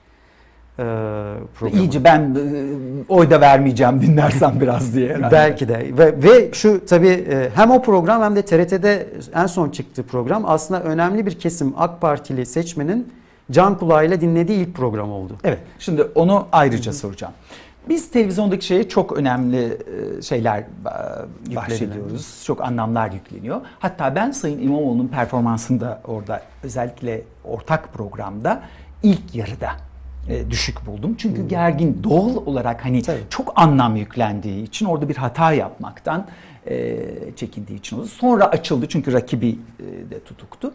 Ama TRT'deki programda çok yüksekti. Yani perform kendisiydi. Evet doğru. Kendisiydi. Doğru. Müthiş e, güzeldi. E, ama gene de o programı şu açıdan ben önemli buldum. İlk kez oy vermemiş olsalar dahi hı hı. AKP tabanı A Haber'de hı hı İmamoğlu'nu gördü. Evet. Ve hani, ne var dedi yani. Evet. 3 dakika sen az konuş ben konuştum hani e, yok sayın e, şey Yıldırım az konuştu 2 dakika bilmem ne kadar dakika falan. Ya %99,9 oranında sadece e, o tarafın duyulduğu Cumhur İttifakı'nın görüldüğü seçimler geçirdik biz evet. oralarda. E, ve ayrıca da onlar bunu son derece normal buluyorlar. Evet zaten öyle olmalı. Herkes kendi seçimini yapabilmeli e, diyorlar yayın kuruluşları açısından. Ben eski çalıştığım dönemden de dönemlerden de bunu biliyorum. Şimdi oradan baktığınızda bu ikisi TRT ve e, o ortak yayın e, etkili oldu mu seçmen üzerinde yoksa daha ziyade bir tanışma şeysi mi oldu? Yani ya, e, aslında bu YSK kararının sonrası dönüşenleri de birlikte aynı şeyi onlar için de düşünüyorum. E, Bir kere e, ya o programa sizin de söylediğiniz gibi İmamoğlu zaten hani sonuçlarda onunla da paylaştığımız ve başka yerlerden de geldiği için kamuoyu da başka araştırmalarda sonuçlar açıklandığı için çok önde oldu, görülüyordu. Dolayısıyla aslında o programa hiç çıkmasa yine kazanacaktı. Ee, esas e, bu tür programlarda çok da e, dile getirildi. Çıtası yüksek olanın işi daha zordur. Burada ama iki, iki türlü zorluk da vardı. Yani Ekrem İmamoğlu'nun çıtası yüksekti. Onun işi o yüzden zordu. Binali Yıldırım'sa bu sefer bir şey yaptı yaptı yapamazsa gidiyor diye çıtası zordu. İkisinin e, bu çıta zorluğu da aslında bir karşılıklı gerginlik ve nötr, nötr bir şekilde başladı. Bizim gözlemimiz zaten ondan önce e, yaptığımız araştırmada biraz önce verdim oranını. E, kararsız seçmen çok azdı. Kararını vermiş seçmenin de kararlılığı çok yüksekti. Bu programın bir etki oluşturma şansı çok çok büyük bir yani çıkıp da orada bir fiziksel kavga düzeyine varıncaya kadar. Aşırı yanlış söylemler. Yanlış bir şey. O bile hani bir yere kadar etkilerdi. Olmadıkça etki etme ihtimali yoktu. Nitekim de e, çok da büyük bir şey olmadığı için etki etmedi. Fakat etki etmezken de etki ettiğini düşünüyorum ben. O da şöyle. Bu çok ilginç bir şey oldu. Hiçbir şey olma, He, olmamış olsa bile e, bir şey oldu vakit yani Çünkü etki kümülatif, dedim. etki dediğimiz bir şey var. Yani etki bir anda oluşmuyor. YSK iptal ettiğinde aslında o anda olmadı etki. Zaten hazırdı. Ha, Birçok ekonomi o bu falan bütün etkiler birleşmiş ve o kararı hazırlamıştı seçmeni. Bu da olunca e dedi ve verdi. Şimdi burada da kalan bir hafta boyunca işte şapkadan tavşan çıkacak, o olacak, bu olacak. Şu türlü şeyler de oldu e, son ana kadar. O tür şeylerin etkileme şansı olan ama kararını vermiş olan seçmenin etkileme şansını ortadan kaldırdı. Yani şunu kastediyorum. İmamoğlu'na karar e, oy vermeye karar vermiş. Yüz yani, ama başka bir yerden geliyor. Hani yeni bir şey olursa o kararını değiştirebilir. Türü bir seçmen grubu var. Onları daha kararlı hale getirdi. E, Bir etkisi de şu oldu. AK Parti tarafında da motivasyonu düşürdü. Yani adaylarına olan güvenleri ve karşı adayın da kuvvetine dair e, kaygıları yükseldi. Bir motivasyon da orada düşürdü. Orada da belki ne olursa olsun gideceğim sandığa da e, oy vereceğim diyen seçmenin gelmemesine neden olmuş olabilir e, bir miktar. O yüzden etkisi düşük ama mevcut durumun korunmasını sağlaması açısından da bir etkisi e, olduğunu düşünüyorum. Sonra son haftada e, yükselmeye devam etti İmamoğlu. Yani bir 10 güne girildiğinde o YSK'dan biraz gerilemişti. Sonra yükselişe geçti. E, anlıyoruz ki o yükseliş son güne kadar devam etti. Çünkü bir şey vardı. Cumhurbaşkanı sahaya çıkınca e, bir değişecek diye. Ama Cumhurbaşkanı sahaya sürmek yerine Sayın Soylu'yu sahaya Evet. sürerek o polemiğe çekmeye e, çalışıldı. Şimdi o söylemlerin, o sert söylemlerin, Pontus, işte efendim e, yani bu, bu- bunlar hakikaten işte dedesine dair söylemler Aynen. falan filan kişisel şeyler hiç yankı bulmadı. Hatta belki alerji e, Aynen öyle. yarattı o, tarafta. Kaygılı seçmenin e, AK Parti konusundaki kaygılarını artıran şeyler oldu. Peki son anda Cumhurbaşkanı'nın e, herhalde Sayın e, Yıldırım'ın performansını beğenmeyince e, sahaya gene de girdi. Evet. E, duramadı ve e, onun hiç mi etkisi olmadı? Yani e, gördüğümüz kadarıyla etkisi olmadı. Yani çünkü e, hep söylediğim kararlıydı seçmen. O da değişmemiş. Zaten sandığa da yansıdı. Ee, öyle bir şey olmadı. Demin söylediğiniz şeylerin de genellikle negatif etkisi oldu. Sadece şöyle bir şeye yaradı belki. Ee, İmamoğlu daha fazla kendini anlatma e, eğilimindeydi. Daha çok kendi yani rak- rakibin yaptığını değil de kendi yaptığını öne çıkaran bir kampanya anlayışı vardı. Bu söylediğiniz şeyler biraz zaman zaman onu bloke etti. Yani kendi işlerini değil de onlara cevap verme e, eğilimine girdiği zamanlar oldu ama oradan hızla uzaklaştı. Tekrar e, kendi Doğrusu da bu zaten. doğrultusuna Peki geçti. sizin bütün bu sahada gördükleriniz yani kahvelerde gördükleriniz, kanaat önderlerinde gördükleriniz, e, işte Kürt seçmende gördükleriniz bunları taşıdınız. Evet. Bunlara göre kampanya e, biçimlendi mi yoksa e, daha daha daha biçimlenebilir miydi? Kampanya ne kadar? Ya ben bizim önerilerimizin çok yansıdığını e, düşünüyorum. Yani öyle bir açık bir ekip vardı ve e, işte, yani ön- hani e, olur ya bir öneri getirirsiniz direnirler biz zaten e, iyi iyi gidiyoruz diye. biz biliriz onu CHP'den eskiden Evet, de. bu olmadı. O yüzden hani çok hatta hızlı yansıdığını düşünebilirim. Ama tabii kampanyanın o e, sahaya inme ruhu, pazarlar en başından beri bir stratejiydi. O strateji iyiydi ve devam etti. Ee, biz hani hem söylemlerinde hem bazı e, hamlelerinde e, önerilerde bulunmuş olduk. Onları da e, iyi aldıklarını düşünüyorum ben. E, hem de sahayı iyi takip edebildiklerini bu sayede ve kendilerini hiç şey değişiklikleri gözden- yapıldı mı? Yani bu sonuçlardan Ya bizim tabii araştırmacı olarak işimiz şeyleri. kampanyayı tasarlamak Tabii ki, değil. tabii ki, yani biz tabii ki, doneleri tabii ki. sağlıyoruz. Onlar da onu e, kullanıyorlar ve iyi kullandıklarını e, düşünüyorum. E, hem özel seçmen gruplarına ilişkin ifadelerde hem bazı söylemlerde iyi olduğunu düşünüyorum ben. Hem Kürt seçmen, mülteci meselesi vesaire birçok meselede sahanın nabzına göre hareket ettiklerini düşünüyorum. Peki son konuya girmeden önce Kürt seçmen hani böyle bu kadar yüksek oranlar Hı hı. e, da e, gidip CHP adayını desteklemiş e, olması e, bir neye bağlıyorsunuz? Hı hı. e, Sayın Erdoğan ve AKP'den büyük hayal kırıklığı mı yoksa demokrasi insan hakları yoksa e, o kırıklığın içine de gene sokabileceğimiz e, Güneydoğu'da seçtiği adayların işte hem seçimden önce görevden alınmaları, kayyumlar atanmaları hem de seçimden sonra işte Sayın Süleyman Soylu'nun İçişleri Bakanı benim. Hı hı. Hani seçmenin iradesi değil de ben İçişleri Bakanıyım, ben Hı hı. veririm kararı. Hı hı. Ben demezsem olamazlar. Tavırları mı o Hı hı. Külhan Bey'in tavırları böyle hani seçmenin üstünde kendini e, gören e, tavırları mı? Kürt seçmenin bu kadar güçlü bir şekilde e, gidip e, Ekrem İmamoğlu'na oy vermesi ne, nasıl okuyorsunuz? Ya bunun tabii çözüm sürecinin bitişinden bu yana olan bütün gelişmelerle alakası var. Bu sadece bu yerel seçimle Ama sandığa gitmeyebilirlerdi e, örneğin. olacak bir şey değil. Hayır ama şöyle bir strateji izleyeceklerini e, söylediler ve yaptılar. İktidara güç kaybettirmek. Hı hı. E, dolayısıyla sandığa gitmemek bunu sağlamayacaktı. E, bu sadece İstanbul seçimlerinde değil, e, Adana'da, Hatay'da, Mersin'de kendi yani HDP oylarının etkili olabileceği yerlerde e, gözlemlediğimiz bir şey oldu.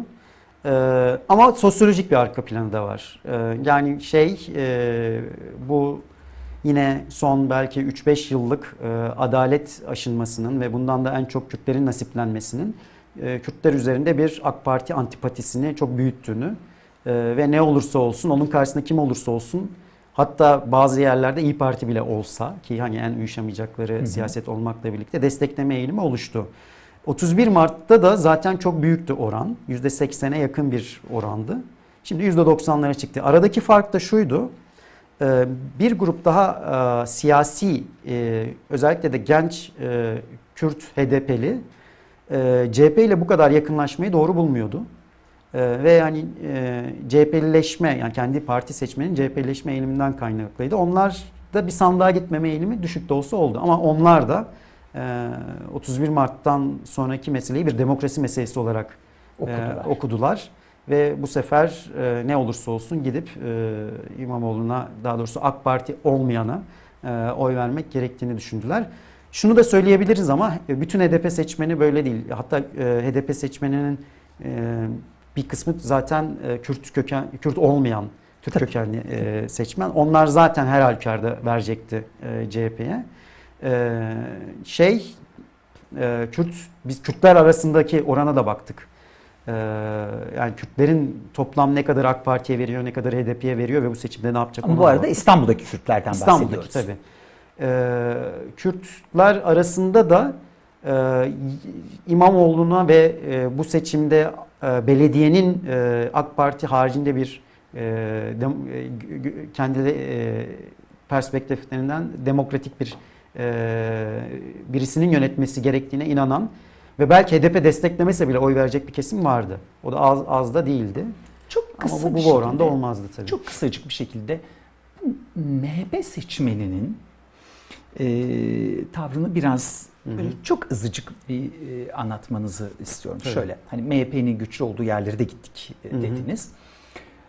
E, Abdullah Öcalan'ın açıklamasının ve e, hani beni çok şaşırtan bir şekilde e, hani meydanlarda Abdullah Öcalan için ip atan Sayın Bahçeli e, ve e, Sayın Erdoğan'ın hani o ip atmamıştı tabii ama e, da bunu bu kadar altını çizerek hani hiç değilse sandığa gitmeyin. Hani tarafsız kalmalarını istiyor diyerek çizmesinin MHP tabanında bir etkisi e, oldu mu? Orada bir böyle bir şaşkınlık yarattı mı? Çok kısa bir sürede o, o oldu. Evet. çünkü Ya önce şey, çok- şeyi söyleyeyim bu konuda. Seçmen şöyle bir şey değil. Yani e, Binali Yıldırım çıkıp Kürdistan dediğinde bir anda ona bakışı değişmiyor. Tabii.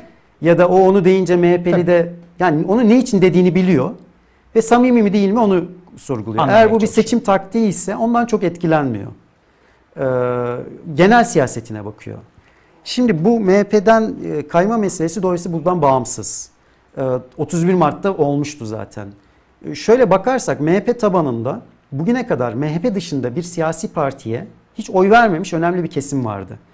Yani son Çelik yirmi- çekirdek. Çek çekirdek. 24 Haziran'da Cumhur İttifakı'na verdi ama gitti kendi partisine oy verdi. Şimdi kendi partisinin olmadığı bir yerde ki bunlar AK Parti'ye sempatiyle bakan bir kesim değil. Ee, Cumhur İttifakı'nı pragmatik ve gerekli bir şey olarak görüyorlar. Kendilerinin devlette temsili olarak görüyorlar. Ama AK Parti eleştirelliklerini de koruyorlar.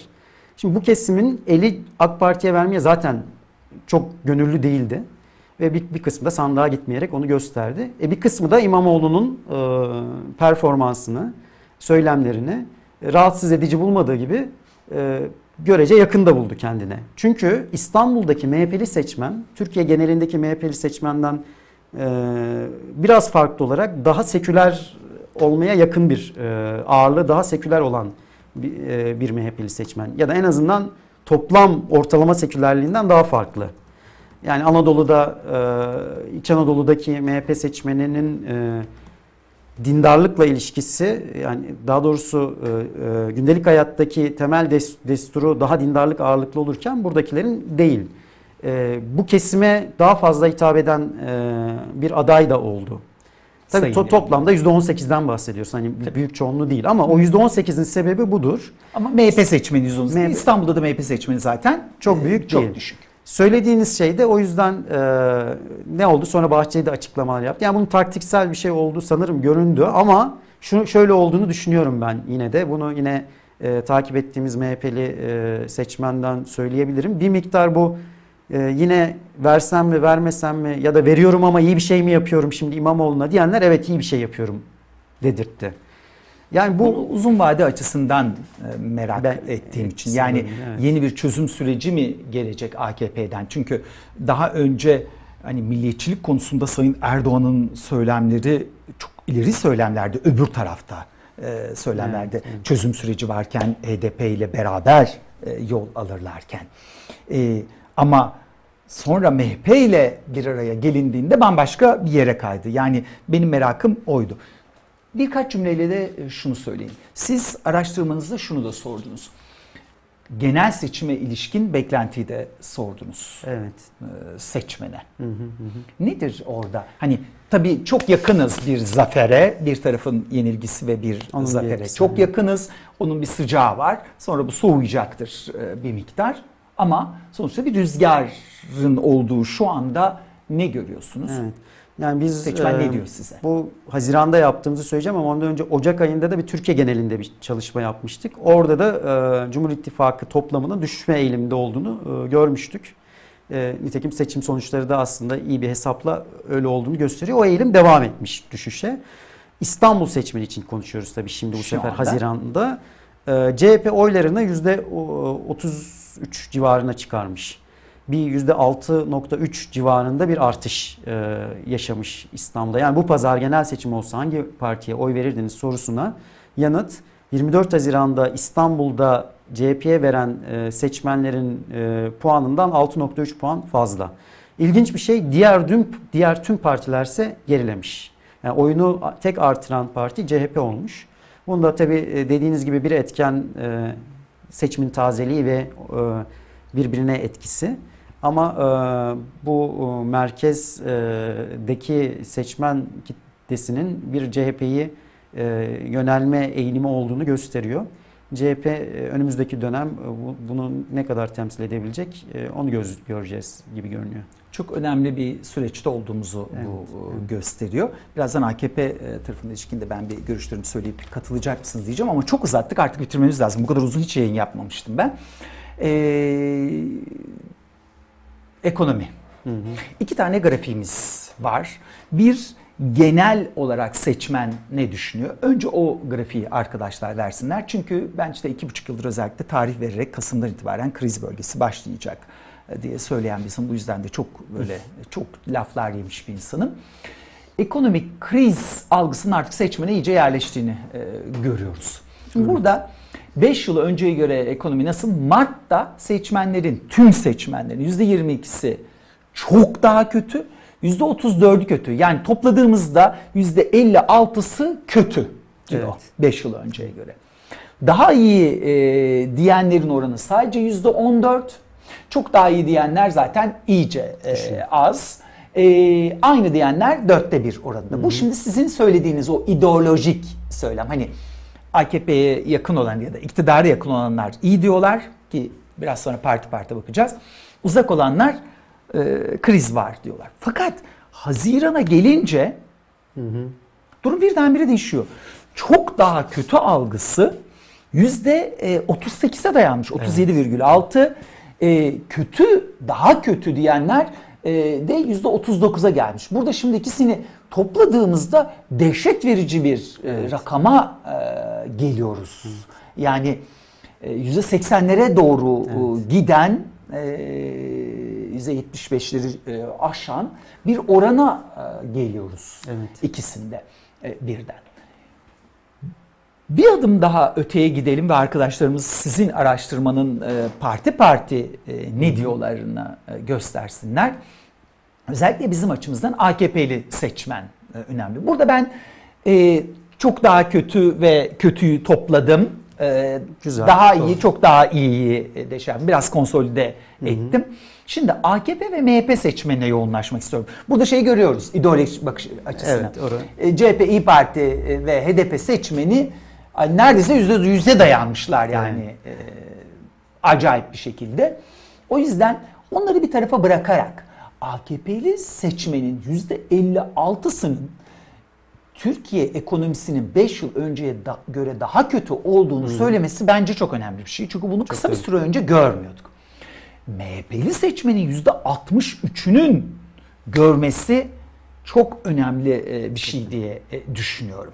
Hem AKP'nin kendine bakması açısından hem de toplumun geneli açısından. Şimdi önce AKP ve MHP yani Cumhur İttifakı'nı bir bize e, toplan. Çünkü biz diyoruz ki sandığı tekmeledi ve bunun bir yansıması oldu adalet duygusu açısından. Ama burada arka planda seçmenin ekonomiden acayip rahatsız olduğunu ki Evet. AKP açısından e, ekonomi biz ne söylersek söyleyin bir başarı hikayesiydi e, hep.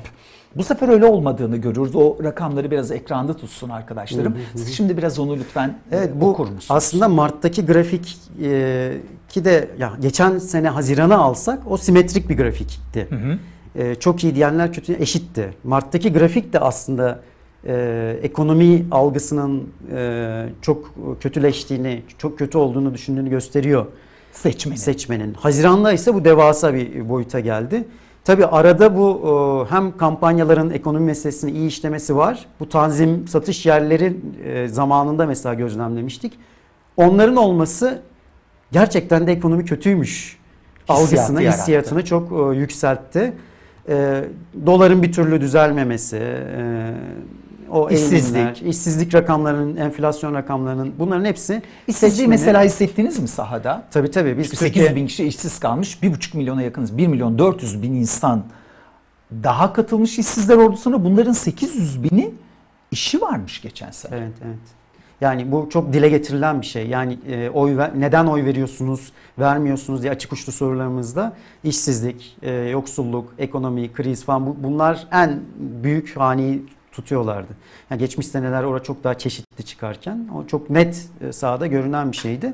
Ama bu iki e, dönem arasında da e, aslında mesela bazı araştırma şirketleri özellikle AK Parti'nin bu sefer kazanabileceğini düşünen ve onu argümante eden şirketler şöyle bir argüman öne sürüyorlardı. İşte yazın meyve sebze fiyatları ucuzlayacak, pazarlar ve insanlar bu ekonomiden dolayı vermeyenler vermeye başlayacak diye o hiç olmadı. Bilakis geçen seneki Haziran'dan bu seneki Haziran'a her gün ee, hem ekonomi e, krizi sahada etkisini daha çok gösterdi hem de seçmen buna daha çok ikna oldu. Ee, demin laf arasında bir ara söylemiştik. Bundan önce erkekler ikna oluyor bu tür şeylerde bizim tüketici araştırmalarından bildiğimiz. Ee, keza 31 Mart seçimlerinde esnaflarda ilk kez esnaf dediğimiz şey bugüne kadar seçim araştırmalarında AK Partili Hı-hı. E, bir kesimdi. İlk kez bir, Bekçi diye Cumhurbaşkanı evet, öyle diyordu. İlk kez CHP'ye oy verenlerin CHP oy verenler esnafların daha yüksek olduğu bir seçim gözlemledik 31 Mart'ta. Şimdi orada ilginç bir şey oldu. Hatta e, onu da söyleyeyim. E, bu bir ev içerisinde farklı oyların çıkmasına çok rastlamayız biz e, Türkiye'de. Hı. Genellikle eşi, aile beraber aile beraber verir. Eşiyle birlikte oy verme oranı %80 civarındadır. Çocuğu da katarsak tüm aile %60-70 civarında birlikte oy verir. 31 Mart'ta bu e, AK Parti'den e, ailecek gelmediler. Önce erkekler Önce erkekler geldi. geldi. Halbuki önce kadınlar ve çocuklar. Evet, öyle olmadı. sonra 31 Mart'tan sonra bu aileler tartışmaya devam ettiler. İşte sen ona verdin de ben buna verdim de mesai falan. O ev e, kamusal alanı İmamoğlu lehine sonuçlandı. Çünkü kadınlar ve gençler de farklı nedenlerle ikna olmaya başladılar. E, bir şey de bu ekonomiydi. Yani kadınlar da ekonominin e, oy e, davranışına e, dönüşmesi ne neden oldu kadınlarda da ve gençlerde de farklı şeyler. Ama şey geçen seneki 24 Haziran'dan bu seneki 24 Haziran'a düzenli olarak ekonominin kötü gittiğine toplum ikna oldu. Bunu da oy davranışına dönüştürdü. Şimdi e, esnaf tarafında birkaç cümleyle bitirelim artık. Hı hı. Esnafta benim şöyle bir durumum var. E, benim bakkalım Rizeli. Hı hı. E, işte belli. E, çok öfkeliydi. Hı hı. Yani esnafın bir terörist gibi gösterilmesine, evet. kabzımanların bir terörist gibi gösterilmesine, soğan patates suçlamasının hani bunlar stokçu bilmem nelerin çünkü ucu ona e, geliyor. Yani e, şöyle şeyler söyledi örneğin. Yani ben mi soğan fiyatını fırlatıyorum ya? Doğru. Yetiştirin soğanları ya. Patates diktirin ya gibi söylemlerle e, geldi ve e, seçimde de e, AKP'ye oy vermeyen esnaflardan biri oldu örneğin benim tanıdığım bir iki bakkalımdan biri. Diğeri zaten öyle değildi. Bu şimdi çok önemli bir göstergeydi. Hı hı. Şundan dolayı bunu önemsiyorum. Seçim şimdi bitti. Hı hı. Artık belediye başkanlarının yerel yönetimde çalışmasına ihtiyacımız var ve artık lütfen Sayın Cumhurbaşkanı da e, dönüp e, bu işlerle uğraşacağına lütfen ülkeyi yönetebilir mi? E, kabine değiştirecek? Bu kabineyle mi gidecek? Ekonomide ne yapacak? Yapısal reformda ne yapacak? Çünkü artık o sert çizgiler çok geçildi. Bir şey yapıldığına ihtiyacı hani bir şey yapılmayacaksa bile bir şey yapılması lazım diyelim o söylemle. Çünkü Türkiye'nin bunu kaldırabilecek gücü yok daha fazla. E, dolar şimdi böyle düşüklü baskılı gibi görünüyor ama 3.70'lerden geldiğimizi unutmayalım birincisi. İkincisi de 28'inde Sayın Trump'ın S-400 meselesinde ikna edileceği Cumhurbaşkanı ya 28'inde ya 29'unda o görüşme. İkna edileceği beklentisinin çok ciddi bir şeysi var. E, o ikna edilse bile Amerika'da kongre ikna edilebilir, Pentagon ve dışişleri ikna edilebilir mi gibi büyük sorular var. Ama e, önemli bir şey daha oldu. Bağımsız yargımız bir şey yaptı. Tıpkı e, geçen sefer olduğu gibi e, Rahip Branson'ın serbest bırakılması gibi bu sefer de e, Amerikan Büyükelçiliği'nin e, tercümanı e, ev hapsindeydi işte e, şey oldu. E, onu da öyle okudu piyasa. Ha demek ki bir uzlaşı arıyor Türkiye meselesi. Nasıl olacak uzlaşı? Öbür tarafta da Rusya ve Sayın Putin var. E, bütün bunlar büyük bir sorun olarak ortada duruyor ama Türkiye'nin artık Doğu Akdeniz'de olanlar, Doğu Akdeniz'de olanları çok küçümsediğimizi düşünüyorum ben. Doğu Akdeniz'de bize karşı bir blok oluşuyor orada. Yani İsrail'i, Mısır'ı, e, Kıbrıs üzerinden Yunanistan'ı içine alan ve bizi dışlayan hatta Suriye meselesi çözülse Suriye'yi bile içine alacaklar. Dehşet verici bir blok oluşuyor. Çok acayip bir blok oluşuyor. E, Mısır'da sıvılaştırılmış hani Türkiye benim üzerimden Avrupa'ya ulaşmak zorunda diyordu. Sıvılaştırılmış e, tesisler kuruluyor milyarlarca dolar yatırımla. Katar bunun içine giriyor. Büyük bir entrika dönüyor orada. Türkiye'yi dışlayan, ötekileştiren bir entrika dönüyor. E, Buna Türkiye'nin dönmesi lazım, dış politikaya dönmesi lazım ve ekonomiye dönmesi lazım. O yüzden lütfen artık belediye başkanı, belediye başkanlığını ve e, ülkeyi yönetenler de ülke yönetimine dönebilirler mi? Herhalde seçmen de aslında bunu söylüyor değil evet, mi? Zaten en karşılık bulan e, kampanya unsurları da ekonomiyle ilgili olanlar oldu. İsraf gerçekten çok e, karşılık bulan bir şey oldu. Esnaflar için de esnaflar e, şöyle bir kesim. Kendi aralarında bu işleri çok konuşurlar. Tabii. E, ve bugüne kadar ekonomiden önce bir dizi e, inanmasa da argümanları sahiplenerek kendi partisini savunuyordu. Ama bu ekonomi meselesinde savunamaz hale geldi. Çünkü yaşadı.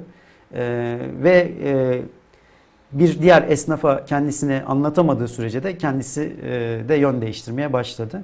E, dolayısıyla ekonomi siyaset ilişkisinin en yoğun yaşandığı e, dönemi yaşıyoruz. Herhalde önümüzdeki e, zaman zarfında da bu e, devam edecektir diye düşünüyorum. Burada son cümle olarak şunu e, da ben bir söylemek isterim.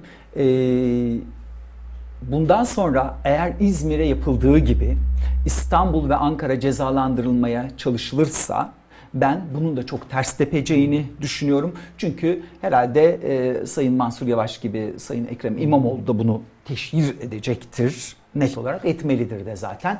Bu ötekileştirmeden seçmenin yorulduğunu e, söylüyor e, Sayın e, Ulaş Dol. O yüzden de bu önemli. Bunun da takipçisi olacağız. Siz Evet. bundan sonra sahada olacak mısınız aralıklarla? olacağız ve belediyelere yönelik çalışmalar yapmayı da düşünüyoruz. Yani belediyelerin e, yaptığı çalışmaların topluma etkisini e, de izlemeyi düşünüyoruz. Dediğiniz şey de çok önemli. E, şöyle de güzel bir şey olmuş oldu. Şeffaflık geldi aslında. E, kendileri de zaten bunu e, bu aradaki dönemde de yaptılar.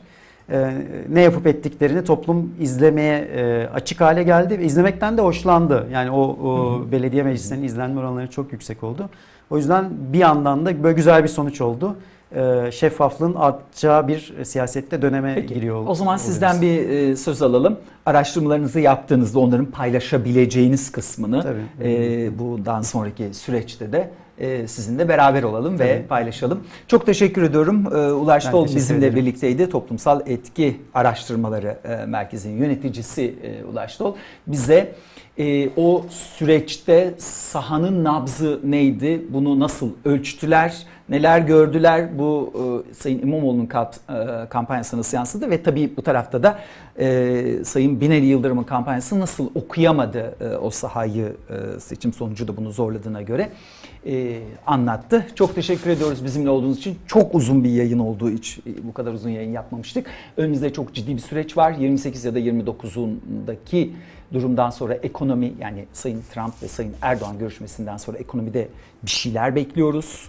Ee, ne yöne gideceğini ondan sonra da bir adımlar bekliyoruz. Artık kabine değişikliği mi olur ne olur bunlara çok şiddetle ihtiyacımız var. AKP açısından da bu Sayın Erdoğan açısından da önemli. Yapsın e, reformları hem Türkiye kazansın hem de kendisi kazansın e, diyelim. Yapabilir mi? Benim şahsi kanaatim çok da yapılabileceği yönünde değil. AKP'de böyle kadro kalmadığını düşünüyorum ben. Ama yapılırsa da hepimiz herhalde çok mutlu oluruz. İnşallah e, mutlu olduğumuz senaryo gerçek olsun diyelim. E, size de çok teşekkür ederim. E, Size de Ulaş Bey çok teşekkür ediyorum e, bizimle olduğunuz için. Tekrar görüşmek üzere. Şimdilik hoşçakalın.